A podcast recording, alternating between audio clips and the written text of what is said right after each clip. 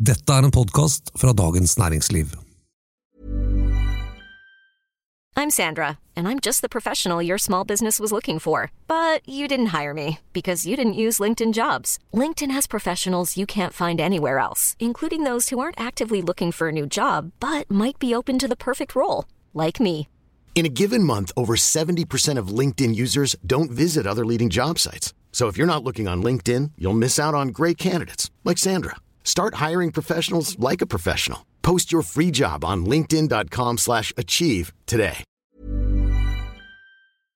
USA bruker hvert år mer penger enn de har. Samtidig har de en regel fra 1917 som sier noe om hvor høyt gjeldstak de kan ha. Det taket har de heva sånn ca. 100 ganger siden 1917, men nå utspiller det seg et drama i Kongressen om det kan heves igjen.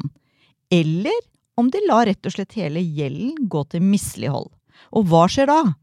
Dette forklarer vi i ukens episode av Finansredaksjonen. Jeg heter Anita Hoemsnes og er kommentator i DN. Og jeg heter Terje Erikstad, finansredaktør. Så er det Bård Bjerkholt, også kommentator.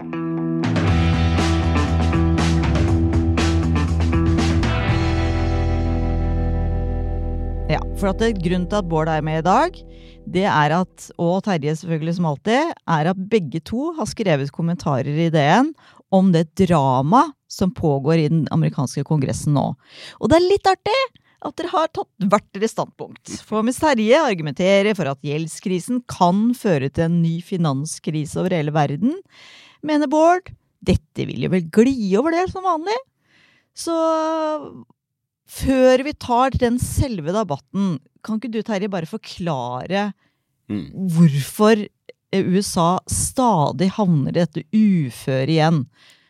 Altså, eh, det at eh, staten må ha en fullmakt fra lovgivende forsamling, altså Kongressen, eh, til å ta opp lån på vegne av nasjonen, det er helt normalt. Vi har også en lånefullmaktsproposisjon i Norge. Og det er regler for eh, det er Norges Bank som sørger for at eh, statens eh, innlåning blir gjennomført osv. Men poenget er at vi i Norge, og de fleste andre land tror jeg, de gjør det samtidig som de vedtar budsjettet. For budsjettet, statsbudsjettet, forteller jo hvor mye penger staten skal bruke, og, og har anslag på inntektene, da. Og når, man summerer opp hvor mye penger man skal bruke, og hvor mye inntekter man har, hvis man da har et lånebehov, så er det jo naturlig å si at ok, så får staten låne de, det som mangler, det underskuddet du sa innledningsvis. Og Sånn gjør vi det i Norge, men i USA så skiller de. De vedtar budsjettet i en prosess, og så eh, kommer gjeldstaket når, måte, når det er nådd. Når, penger, når man har lånt så mye penger at man når det. Og da blir det på en måte omkamp om budsjettet. Og nå er det sånn at republikanerne har da flertall i det ene kammeret i Kongressen, i Representantenes hus. Og de har da, det flertallet har da vedtatt en, en utkast til en lov, som de mener at uh, president Joe Biden skal signere, som kommer til å uh, kutte kraftig i offentlige utgifter. Og hvis Biden underskriver på den eh, loven, så vil de republikanerne heve gjeldstaket. Så det er liksom utgangspunktet. Og så vil ikke Biden godta det som er i den loven, og så forhandler de om, om hva, hva kan de bli enige om. Det er liksom eh, prosessen, da, og, og, det som er situasjonen. Og mens vi spiller inn, så er det jo da ennå ikke noen avtale mellom republikanerne og det Nei, det var det frist 1. juni eller noe sånt nå. Men øh, øh, hvis man skal liksom gå og ta det helt ned, da. Hvorfor øh, klarer ikke USA å styre budsjettene sine bedre? Dette er jo ren luksusfellemateriale, vil man jo si. Nei, eh, det er jo som Terje sier her, altså du lager et budsjett, men så har du ikke helt da klart eh, finansieringen. Er det fordi at USA ikke vil skattlegge sine innbyggere like mye som eh, den norske regjeringen, eksempel, eller? Eh, Nei, det har jo ikke noe med det å gjøre. eh, Ja, men det er jo på inntektssiden. Ja, men dette er jo, det er jo Altså, dette kan jo, denne, denne problematikken kunne du jo tenke deg, og den har jo oppstått historisk på langt lavere nivåer av offentlige utgifter enn det USA har i dag. Så, så det har jo ikke noe med skattenivå per se Ok, så det er bare den kunstige bestemmelsen om dette gjeldstaket som Ja, blir det så det- overstyrende liksom reelle inntekter og utgifter, da. Dette er jo en veldig spesiell regel, og, og så vidt jeg vet, så er det vel, det er vel bare Danmark som har eh, noe lignende, men, men der eh, har man eh, satt denne grensa høyt at eh, det ikke har noe betydning i praksis, og det ville vel neppe eh, komme på spissen, sånn som de gjør eh, i USA nå. Um, eh, når, når jeg har skrevet om det, eh, og så vil jeg da understreke at jeg er, eh, slett ikke er noen ekspert på amerikansk politikk, eller eh, Vi er, ink- vi er ikke eksperter, noen av oss. Vi bare eller, eller nettopp de prosessene som foregår her. Eh, men det som slår meg, er at det har vært, det har vært veldig mange som har varslet et sånn stor finansiell Eller ikke varslet, men sagt at det, det, dette, dette kan skje, en sånn stor finansiell katastrofe.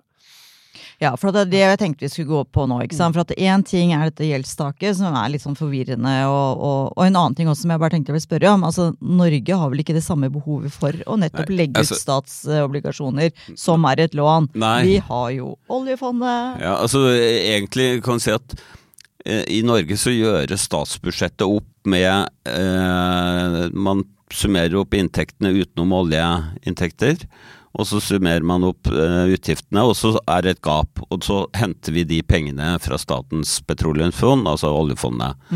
Så i prinsippet behøver ikke den norske staten å låne noen penger, men fordi det er veldig bra å ha et marked med sikre statspapirer.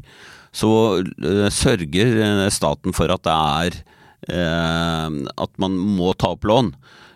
Og det, det type lån som da f.eks. Eh, penger kan gå til Husbanken eller kan gå til andre statlige eh, institusjoner osv. Så sånn at vi vi har et fungerende gjeldsmarked i Norge, selv om det er lite. da.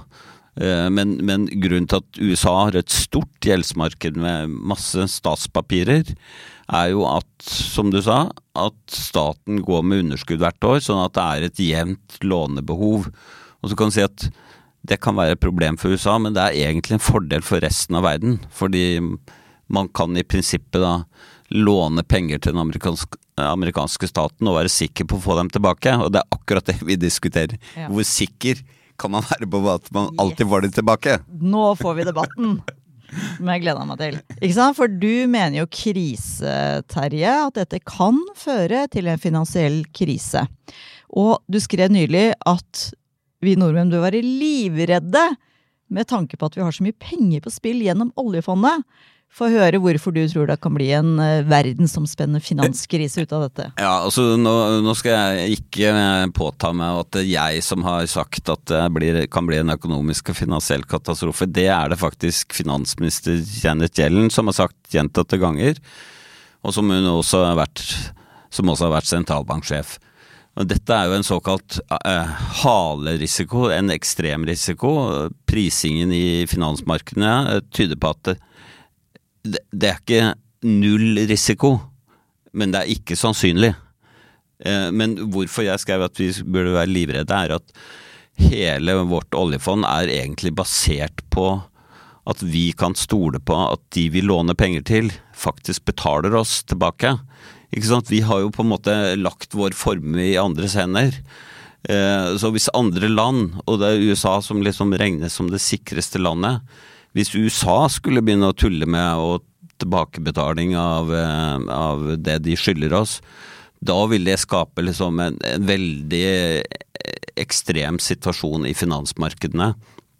Og vi har jo sett tidligere at selv om USA ikke har misligholdt gjelden sin, så har jo tidligere runder med sånne konflikter hatt stor betydning finansielt og økonomisk. Og det er et tall som aldri har vært så høyt før. Eller noe sånt. Det derre CDS. Ja. Forsikringen for at noen misligholder gjelda si. Ja, og det, det er jo et sånt, det er jo en sånn eh, spesielt instrument hvor du på en måte tegner en forsikring mot at noen du har lånt penger til, til ikke betaler eller gjør opp for seg. Og så er det spesielle ting som gjør at det er litt sånn litt attraktivt å vedde på at USA faktisk gjør det, for da kan du få en veldig stor gevinst.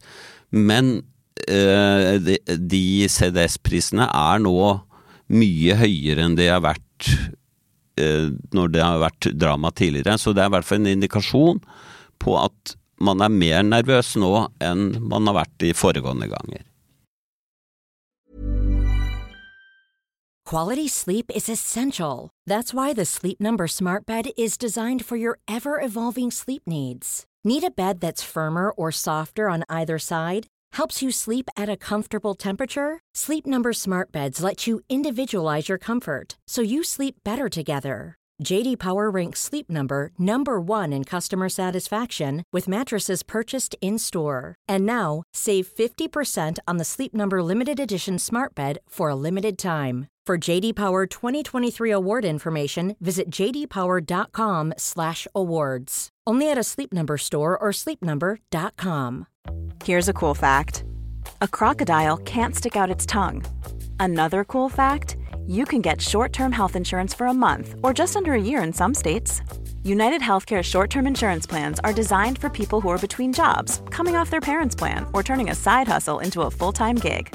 Underwritten by Golden Rule Insurance Company, they offer flexible, budget friendly coverage with access to a nationwide network of doctors and hospitals.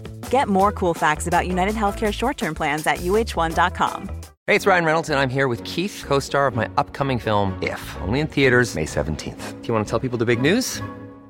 All right, I'll do it. Sign up now and you'll get unlimited for $15 a month in six months of Paramount Plus Essential Plan on us. Mintmobile.com slash switch. Upfront payment of $45 equivalent to $15 per month. Unlimited over 40 gigabytes per month. Face lower speeds. Videos at 480p. Active Mint customers by 531.24 get six months of Paramount Plus Essential Plan. Auto renews after six months. Offer ends May 31st, 2024. Separate Paramount Plus registration required. Terms and conditions apply if rated PG. Bård, og du er uh, Summaries Breeze. Du mener ikke at det blir krise. Og hvorfor, det, hvorfor tenker du at dette her kommer til å gli over, og de kommer til å heve dette taket for 103. gang? Altså det jeg tror alle er enige om her, er at eh, hvis USA hadde misligholdt gjelden sin, og da ikke betalt eh, obligasjonseiere, eh, så ville det vært en, en kjempekatastrofe. Eh, det tror jeg alle er enige om. Eh, men, eh, men hvis man da ser på markedene, og ser Altså, du kan se på amerikanske renter, da for eksempel, i, i disse ukene hvor, hvor, denne nervøsiteten og alle disse dommedagsspådommene eh, har kommet, så, så, er det en, en, en markert renteoppgang i de, i de, i de eh, korte papirene, dvs. Si de som forfaller akkurat rundt denne Ikke fristen eh, 1.6, men det er den datoen hvor eh, finansminister Jant Yellen har, eh, anslått at man ikke lenger vil ha noe penger i kassen. Så det er ikke en frist, det er et anslag på en, på en dato. Den kan være eh, riktig, eller den kan være gal med dager eller, eller, eh, eller uker. Men, men eh, eh, Så disse papirene som har forfall akkurat da, de har hatt en renteoppgang. Andre, eh, andre statspapirer med kortere og, og lengre løpetid har ikke blitt påvirket i det hele tatt. Så, så liksom, det er hele at, at den gjelden til USA nå er så risikabel, det, det, er rett, det, er rett, og slett ikke riktig, og det kan man bare se på, på disse prisene. Dessuten, hvis det hadde vært en, en stor sannsynlighet for at, at, uh, at, denne gjelden skulle bli misligholdt, så ville vi sett helt andre uh, og mye sterkere reaksjoner i, i forkant. Så markedet og alle de menneskene som uh, flytter penger rundt omkring, tror ikke på dette. Og da tror jeg forklaringen er at de legger til grunn at dette vil løse seg på den ene eller andre måten eh, ganske greit. Men du, der, og du har ikke noe særlig tro på sånn den CDS-en, som altså betyr Credit Default Swap. Eh, at selv om den prisen er altså Det er veldig mange som nå gambler på at eh, USA misligholder gjelden sin. Men du bare fnyser av det nå, du? Nei, men da, da, tror jeg man skal se på det at det, det, det kan være en liten sjanse. å, å øh, Eh, som har vært å legge litt penger i. Du trenger jo ikke eie gjeld heller for å kjøpe disse CDS-ene. Du kan bare uh, kjøpe forsikring uten å eie huset, så å si. Uh, på at du får et sånt Det holder kanskje med tre, eller over tre dager eh, forsinkelse for at du skal få utbetaling på en sånn kontrakt. og at det kan se tilstrekkelig bra ut uten at det forteller så mye om liksom at vi får noe sånn større mislighold eller en større finansiell katastrofe. Men det er klart, det vitner jo om økt risiko, men samtidig så tenker jeg at det, liksom å si at det, det er stor risiko for at USA misligholder gjelden sin, det, det, da ville man sett helt andre bevegelser i markedet.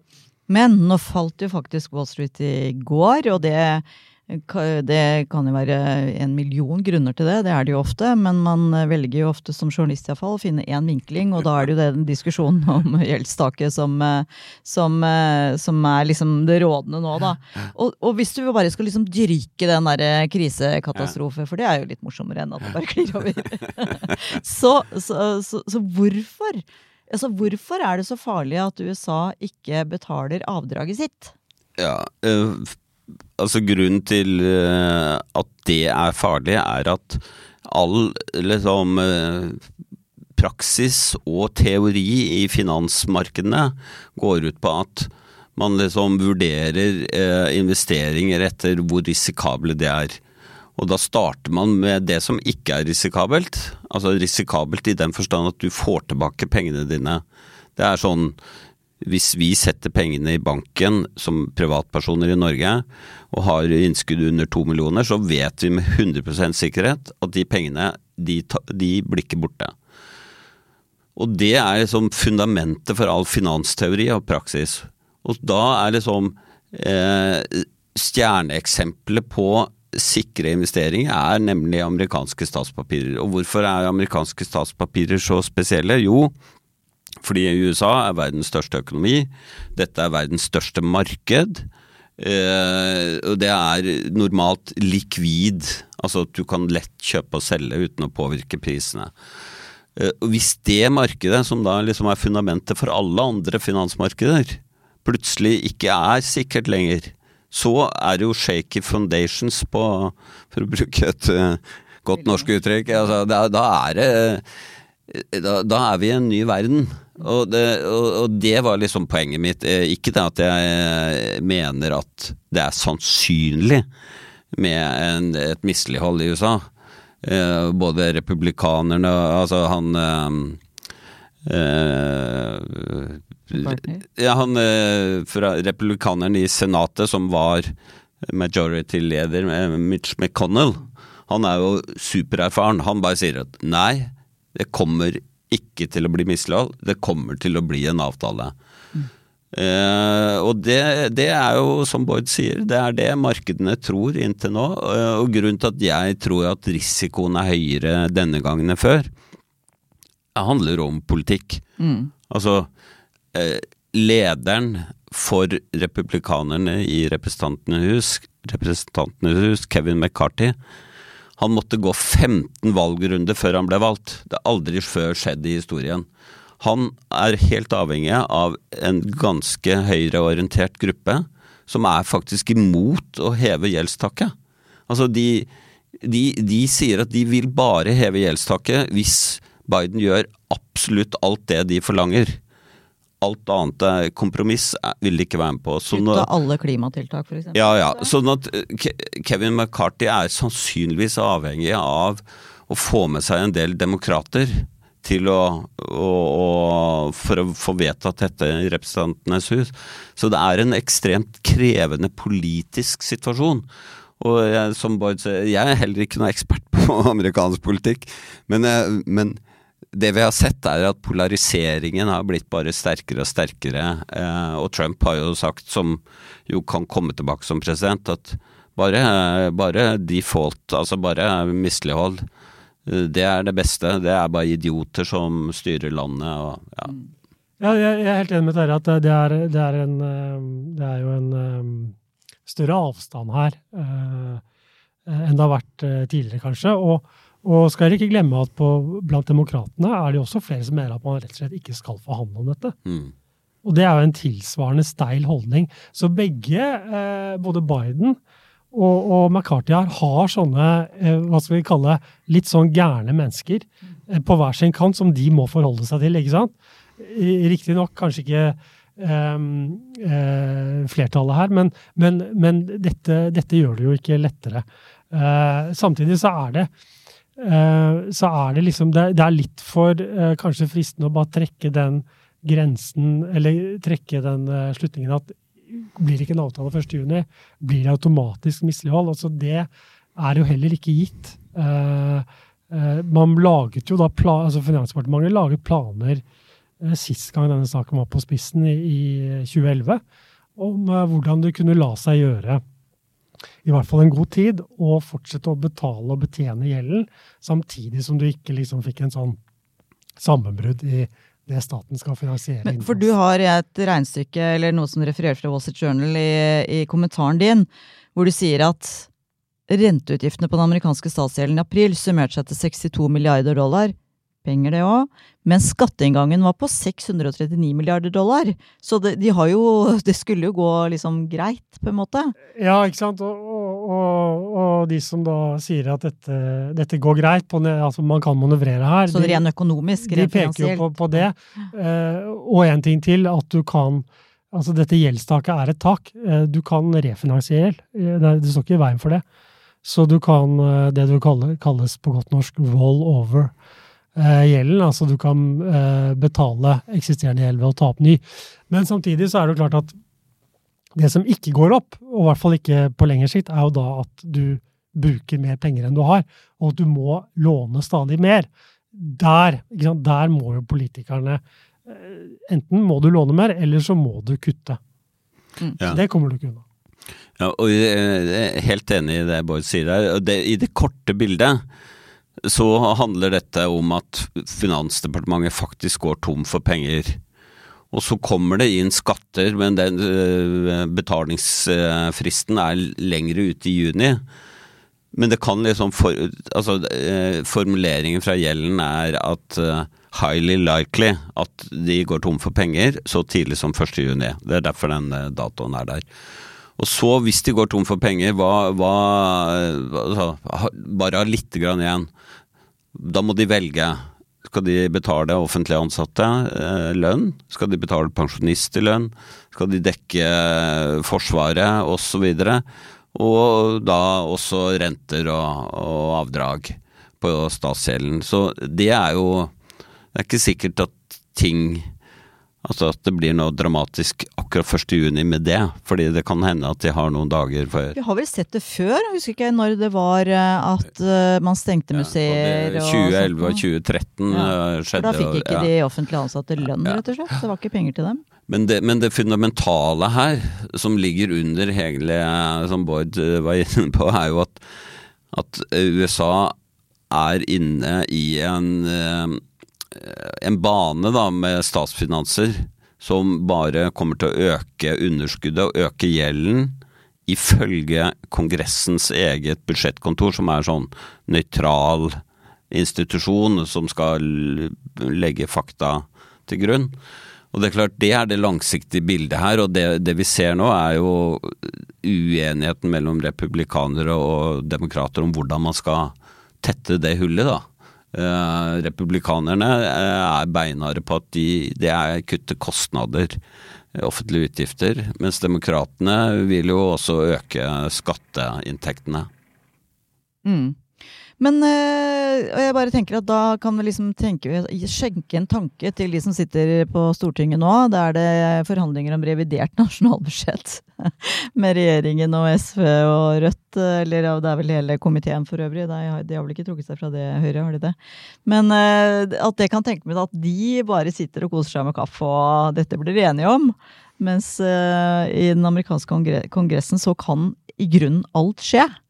Og da bare fortsett å følge med på dn.no, for uh, vi har bestemt oss for at dette er litt sånn ukas sak. Og vil følge dette ganske tett til uh, det blir et vedtak. Uh, så får vi se om Wall Street fortsetter å falle, eller om det blir roligere i markedene nå. Uansett, takk for at du hørte på Finansredaksjonen. Tips gjerne venner og kjente om at vi finnes. Vår produsent er Gunnar Bløndal. Ha det bra!